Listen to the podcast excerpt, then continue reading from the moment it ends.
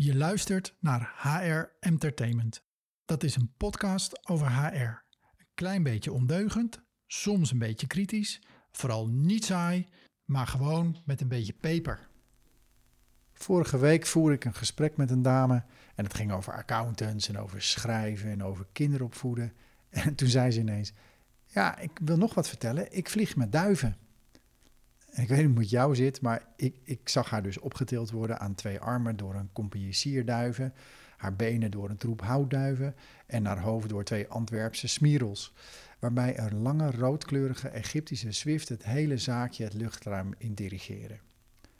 Ik zag ook een klein meisje dat ooit ergens in een donker bos zonder ouders is opgevoed door duiven, die elke dag verse rupsjes voor haar vingen en graankorrels plukte, waardoor de volwassen vrouw, die nu tegenover mij zit, nu net zo goed kan koeren als een Oosterse roller en haar armen een klein beetje fladdert als ze onrustig wordt. Maar het moment duurt maar kort. En ik zie mijn collega's ook even wakker schrikken van deze grappige opmerking, terwijl ze zichzelf herstelt en zegt dat ze duiven houdt als hobby. Aha. En dat dit iets minder romantisch is dan de vliegende duiven Fata Morgana die ik net voor ogen had, wordt me al snel duidelijk. Want duiven, die hebben altijd wel wat problemen die zich bij duiven laten zien door droge of grauwe neusdoppen of ogen die wat vochtiger worden. En duivenmelkers, nou, die zijn best wel een beetje hard. Want zolang die duiven nog een beetje doorvliegen, krijgen ze lekker voer en afzuiginstallatie in hun hokje voor als het te warm is. En een paar roekoe en de knuffelparters natuurlijk.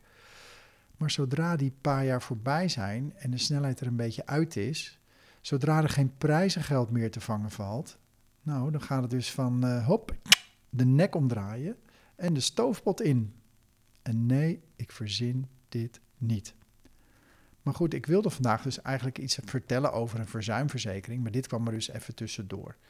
Maar stel nu dat je klant bent bij zo'n verzekeringstussenpersoon en je vliegt al een tijdje niet zo hard meer zou die je dan nog steeds voorzien van het lekkerste voer en een warm broedbedje?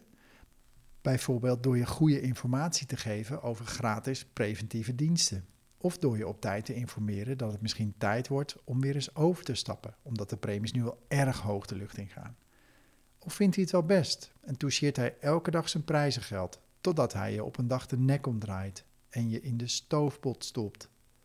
Ik ben er een beetje bang voor dat het vaker gebeurt dan ik denk. Want als we klanten spreken over hun verzuimverzekering, dan zeggen die opvallend vaak dat we nu al meer vragen hebben gesteld dan hun tussenpersoon in de afgelopen tien jaar of zo. En dat is dan al na de eerste vijf minuten van het gesprek. En dan hebben we eigenlijk nog maar twee of misschien drie vragen gesteld. Dus zo bijzonder is dat niet. En nee, ook dit verzin ik niet.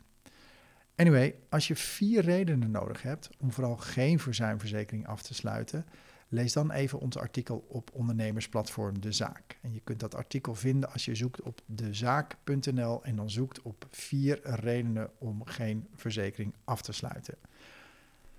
Maar mocht je het idee hebben dat je de laatste tijd wat langzamer vliegt, of zie je jouw duivenmelker ineens met allerlei kruiden en een grote pan in de weer, terwijl hij met een beetje hongerige ogen naar je loert, bekijk dan ook even onze pagina over verzuimverzekeringen. Of doe gelijk een quickscan uh, want omdat wij als enige aanbieder in Nederland acht aanbieders vergelijken, is de kans groot dat je tot wel 40% premie kunt besparen. Hoe doe je dat? Je gaat naar onze website hrnavigator.nl of hrnavigator.nl en dan zoek je op de term verzekeringen. Um, op die pagina kun je ook een quickscan doen.